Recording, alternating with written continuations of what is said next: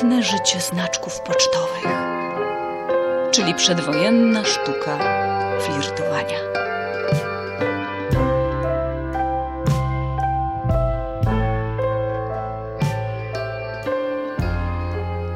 W czasach przedwojennych wszelkie stosunki damsko-męskie ujęte były w sztywny gorset konwenansów. Małżeństwo traktowano przede wszystkim jako instytucję społeczną. Miłość zaś nie była warunkiem potrzebnym koniecznie do jego zawarcia. A jednak młodzi zakochiwali się i zakładali rodziny. Jak zatem wyglądała droga od dwojga nieznanych sobie ludzi do małżeństwa z gromadką dzieci?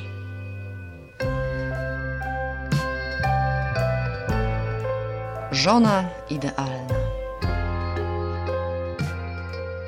Zgodnie z obyczajem, to młodzieniec powinien być stroną inicjującą kontakt. Panna, jak przystało na dobrze wychowaną księżniczkę, powinna biernie czekać na pojawienie się rycerza. Czym powinna charakteryzować się kandydatka na dobrą żonę? Sięgnijmy po wydany w 1903 roku przewodnik zakochanych, czyli jak zdobyć szczęście w miłości i powodzenie u kobiet. Dla współczesnego czytelnika lektura przewodnika zakochanych może być o tyleż zabawna, co bolesna. Jego autor jest dzieckiem swoich czasów, w których małżeństwo postrzegano bardzo pragmatycznie, a kobieta była uważana za istotę niedorównującą mężczyźnie ani fizycznie, ani intelektualnie.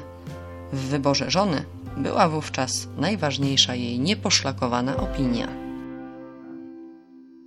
Otóż od kobiety, względem której żywimy poważne, stałe zamiary, powinniśmy w pierwszym rzędzie żądać bezwzględnie czystej przeszłości. Tak zwane błędy młodości czy błędy miłości w przeszłości jej, aczkolwiek może nawet wspaniałomyślnie przez narzeczonego wybaczone i zapomniane, mszczą się prędzej czy później. Stanowią one zawsze niewidzialny mur dzielący małżonków od siebie. Poza tym, kardynalnym, według nas warunkiem, posiadać powinna wybrana przez nas kobieta pewien sposób wrodzonej inteligencji i pewien zasób nabytej wiedzy. Cóż może być przykrzejszego dla inteligentnego i rozumnego człowieka, jak wieczyste związanie z kobietą nieodpowiadającą mu niczem umysłowo, nierozumiejącą jego celów, intencji, ba, słów niejednokrotnie.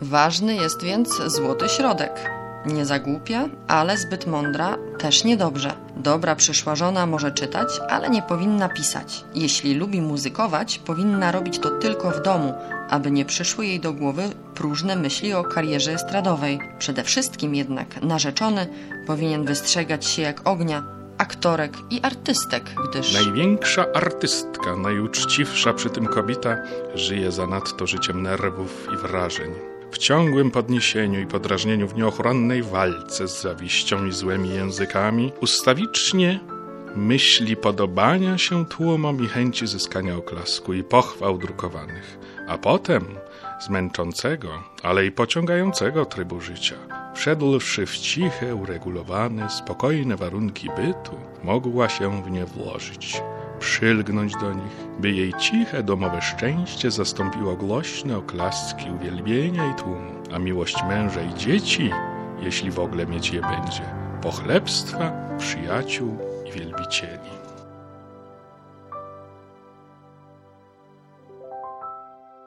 Bardzo ważne jest także to, aby przyszła żona była równego stanu, tego samego wyznania oraz narodowości. Żenią się wprawdzie arystokraci z cyrkówkami, poeci z wieśniaczkami, ale są to eksperymenty zbyt śmiałe, zbyt ryzykowna gra, gdzie stawką jest przecież całe życie. Na ekstrawagancje mogą sobie pozwolić panowie i poeci. Przeciętny, zwyczajny śmiertelnik powinien szukać żony we własnej sferze towarzyskiej. Te same uwagi stosujemy do narodowości, wyznania i uposażenia materialnego. Równy z równym. Podobne rady możemy przeczytać w poradniku dla panien na progu małżeństwa Cycylii Plater z Berkówny z 1926 roku. Chociaż jak autorka przyznaje, jakże mówić kobiecie o wyborze, skoro właściwie nie ona wybiera, ale bywa wybraną, to jednak dzięki temu, że zwykle wokół niej krąży więcej niż jeden adorator, może pozwolić sobie na pewną selekcję. Według Plater z Berkówny najlepszym materiałem na męża jest człowiek pobożny, o mocnych zasadach moralnych, podobnego temperamentu, i z tego samego środowiska. Jak ognia należy wystrzegać się cudzoziemców. Małżeństwo z obcokrajowcem jest czynem wysoce niepatriotycznym. Czy nie jest najistotniejszym krzywdzeniem swej ojczyzny, jeśli zamiast przysparzać mu w małżeństwie dzielnych obywateli, synów i córy, rodzić ich będziemy obcej ziemi? A może dla wrogów, wzbogacając tym samym cudzoziemców?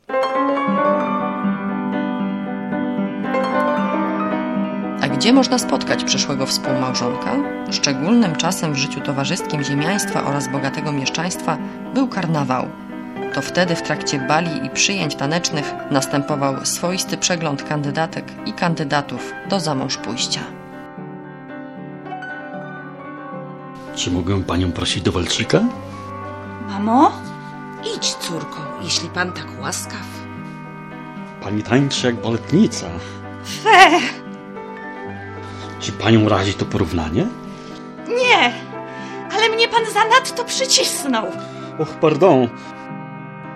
Jak się pani bawi na dzisiejszym balu? Dziękuję. Tańczę dosyć. Nic dziwnego. Dlaczego? Zostawiam to pani do myślności. A! Zapewne baletnicy, z którą łaskawie mnie porównał. Fe! Czy znowu panią ścisnąłem? Nie! Ja doprawdy pasjami lubię walca. Słusznie ktoś tam pisze w swoich chanson tańczę walca hopsa z podobnym do mopsa. W doprowadzeniu do ponownego spotkania pomoże osoba trzecia. Niemniej ważna jest reakcja rodziców. Czy patrzą oni przychylnym okiem na kawalera? Uważają go za dobrą czy złą partię dla swojej córki? Jeszcze na początku XX wieku małżeństwa aranżowane są uważane za normę. Randewu z rodzicami. W okresie przedwojennym instytucja randki nie istniała. Ten zamorski, amerykański wynalazek dotarł do Polski dopiero w latach 30. i potrzebował kolejnych 30 lat, aby wyjść z dużych miast i przestać wzbudzać sensację. Pierwsze spotkanie młodych odbywało się z zasady w domu rodzinnym dziewczyny, w towarzystwie jej rodziców. Przewodnik zakochanych radzi, żeby kawaler przybył do domu panienki około godziny 12 w południe i nie został dłużej niż godziny. Kandydat na męża powinien przyjechać do domu swojej wybranki bryczką, a o panienkę w ogóle nie pytać, jakby celem jego wizyty było tylko i wyłącznie spotkanie z jej rodzicami. W czasie pierwszej wizyty poważnym fopa jest rozglądanie się po mieszkaniu, komplementowanie gospodarzy, a także ściągnięcie rękawiczek. Dopiero kiedy młodzi są już zaręczeni, mogą spotykać się nieco swobodniej na spacerach, w teatrze czy na wystawie, choć również najlepiej w towarzystwie przyzwoitek rodziców, rodzeństwa czy przyjaciół. Jak mogła wyglądać taka rozmowa? Nie oddalamy się zbyt od rodziców? Czy boisz się najdroższa, byśmy nie zginęli? Nie. Ale to nie wypada. A dlaczego nie wypada? Jesteś moją narzeczoną i jako taka poruczona mojej opiece. Już obiecę. Jeszcze nie tak prędko. Zaczekaj, mój panie, po ślubie. Będziesz miał jeszcze tej opieki dosyć. Ach, masz o tym tylko we dnie i w nosy. Co? I w nocy? Czy cię to dziwi? Noc jest od spania, nie od marzeń. Ha! A jednak zmienisz z czasem zdanie. Mój panie, proszę być grzecznym. Mówmy o czym innym. Na przykład? Czy wiesz, moja wyprawa już ukończona. Wczoraj zrobiłyśmy z mamą ostatnie sprawunki. Wiem, wiem. Trzy tuziny pończoch. Pan zaczynasz być znów nieprzyzwoitym. Kto ci o tym mówił? Twoja mama. Czy to być może? Dziwię się mojej mamie. Ja też. Proszę? A to dlaczego? Czyż nie wolno mi się dziwić? No dobrze, ale cóż jest w pończochach podziwu godnego? Ha, przede wszystkim że to, że są. Nie kończ pan! Zabraniam. Mówmy o czym innym. Mówmy więc o rękawiczkach. Nie! Mówmy o panu. Dobrze, mówmy o mnie. Dlaczegoż mówisz pan to takim grobowym tonem? Bo widzę, jaki los dla nas, mężczyzn, jest niesprawiedliwy. Gdy panna za mąż wychodzi, sprawiają jej na gwałt te wszystkie piękne rzeczy. Zabraniam panu o nich mówić. Te wszystkie piękne rzeczy, o których nie wolno mi mówić, podczas gdy kawaler. Sam musi o nich myśleć. On wtedy nie myśli o swoich. Wybornie. Idźmy całkiem wolno. Podsłuchajmy niby niechcący, co tam rodzice o nas mówią.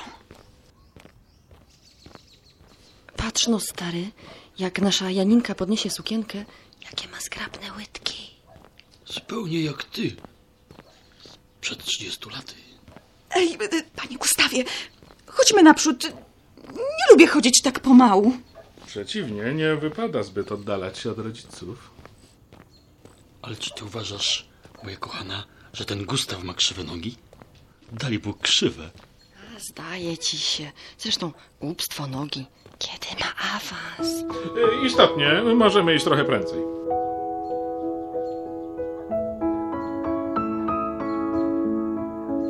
Ludzie listy piszą. Co jednak, jeżeli młodzieńcowi brakuje odwagi, aby zagadnąć do dziewczyny, która wpadła mu w oko? W takiej sytuacji zawsze można liczyć na papier. List śmielszy niż język, list wszędzie ma przystęp, pisał leksykograf Samuel Linde. Najwcześniejszy zachowany polski list miłosny pochodzi z około 1428 roku. Jego autorem jest Marcin z Międzyrzecza, a nadano go z Szamotu. Mężczyzna opisuje w nim chwilę rozstania, ślubuje ukochanej wierność oraz prosi ją o to samo.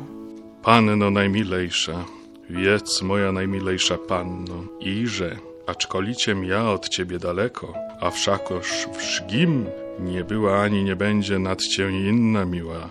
Jedno ty sama, panno najmilejsza ma. Niedawno mię rzecz była potkała, abych bardzo krasną pannę miłował, ale gdym na ciebie wspomienął, tegom uczynić nie chciał.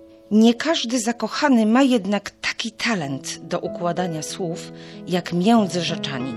Na szczęście na to także jest rada. Już od renesansu w obiegu księgarskim funkcjonowały listowniki, czyli zbiory listów na różne okoliczności i tematy. Do XVIII wieku cieszyły się one dużą estymą, a wśród ich autorów znalazł się nawet wybitny renesansowy myśliciel Erasm z Rotterdamu. Z czasem listowniki straciły status literatury wysokiej, co nie sprawiło jednak, że przestano je wydawać. W okresie przedwojennym młodzi ludzie mogli sięgnąć po listowniki specjalizujące się w listach miłosnych. Na przykład po najnowszy listownik dla zakochanych płci obojga Rosendufta z 1911 roku lub listownik miłosny, czyli najdokładniejszy poradnik do pisania listów dla zakochanych i narzeczonych wraz z dodaniem złotych myśli różnych pisarzy i zdań o miłości, sercu i kobiecie autorstwa Zalewskiego, drukowany w Poznaniu w roku 1912. We wstępie Zalewski radzi. Co do treści wymagają co prawda listy miłosne pewnej kwiecistości w wyrażeniu w celu wydatnienia zapału i płomiennych swych uczuć. A to li uważać trzeba pilnie, aby styl nie był przesadny, puszysty, lecz zdradzał myśl szczerą i uczciwe traktowanie sprawy. Przyrzekaniem złotych gór, przechwalaniem lub przesadnym unoszeniem się można się łatwo ośmieszyć. Można w osobie ukochanej wzbudzić niedowierzanie i nawet odstręczyć ją sobie. Pod tym względem grzeszą często mężczyźni. Nie tylko o treść trzeba zadbać, ale również o formę. Koślawe pismo, brzydki papier i, o zgrozo, błędy ortograficzne są surowo wzbronione. Jak wyglądała prośba o zawarcie znajomości? Łaskawa panno Jadwigo, przepraszając jak najmocniej, że narzucam się listem niniejszym, łączę zarazem pokorną prośbę o łaskawe go przyjęcie i uwzględnienie. Przepełniony uwielbieniem dla łaskawej pani z powodu jej szlachetności i dobroci, Szukałem od dawna sposobności do wynurzenia jej tego oraz zapewnienia o mej wysokiej dla niej czci i głębokiego szacunku, co więcej do wynurzenia jej tego, co dawno w mem sercu zrodziła. Otóż tak miłość wielka i prawdziwa zniewala mnie do wystosowania do Ciebie, droga Pani, słów nie mniejszej i gorącej prośby, abyś pozwolić ciała, że Ci się wkrótce przedstawię, albo jeśli przynajmniej lub dogodniej, abyś chciała ze mną korespondować. Proszę mi wierzyć, że wysłuchanie prośby mej powyższej napełni mię szczęściem i radością nieopisaną. I dlatego ufam, że życzysz, droga Panno Jadwigo, być mi przychylną i zaszczycisz niebawem upragnioną, życzliwą odpowiedzią. Prawdziwie Ci oddany Stanisław. Wystarczy tylko zmienić imiona i gotowe. Panna Jadwiga, pisząc odpowiedź, także może wspomóc się już gotową formą. Jest to szczególnie przydatne rozwiązanie, jeśli łaskawa pani w taktowny sposób planuje dać adoratorowi kosza. Łaskawy panie, szanowny list pana pokazałam także rodzicom, którzy polecili mi wyrazić panu ubolewanie, że nie mogę przyjąć łaskawej wizyty pana. Ja zaś mam zamiar udania się niebawem w dalszą podróż, z którego to powodu nie ma widoków zobaczenia się wzajemnego.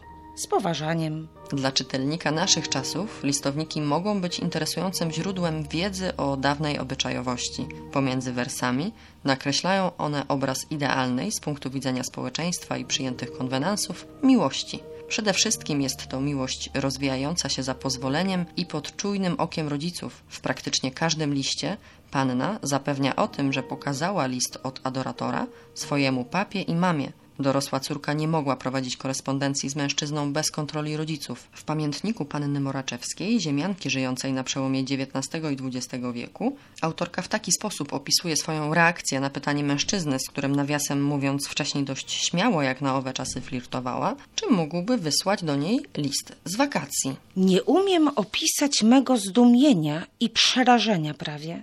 Nie mogłam się zdobyć na odpowiedź.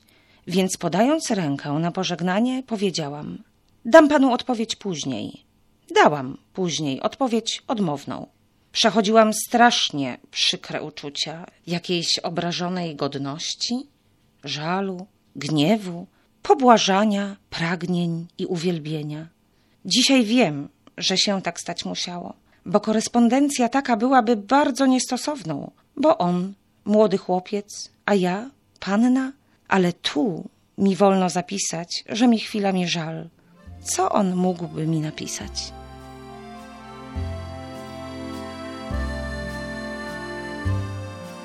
Sekrety znaczków pocztowych. W idealnym świecie listowników panna zawsze zawierza doświadczeniu rodziców, którzy doskonale wiedzą, z jakim mężczyzną będzie szczęśliwa. Rzeczywistość pokazuje jednak, że relacje dzieci z rodzicami nie zawsze są tak zgodne. Panna kocha, kawaler kocha, ale matka i ojciec mówią weto.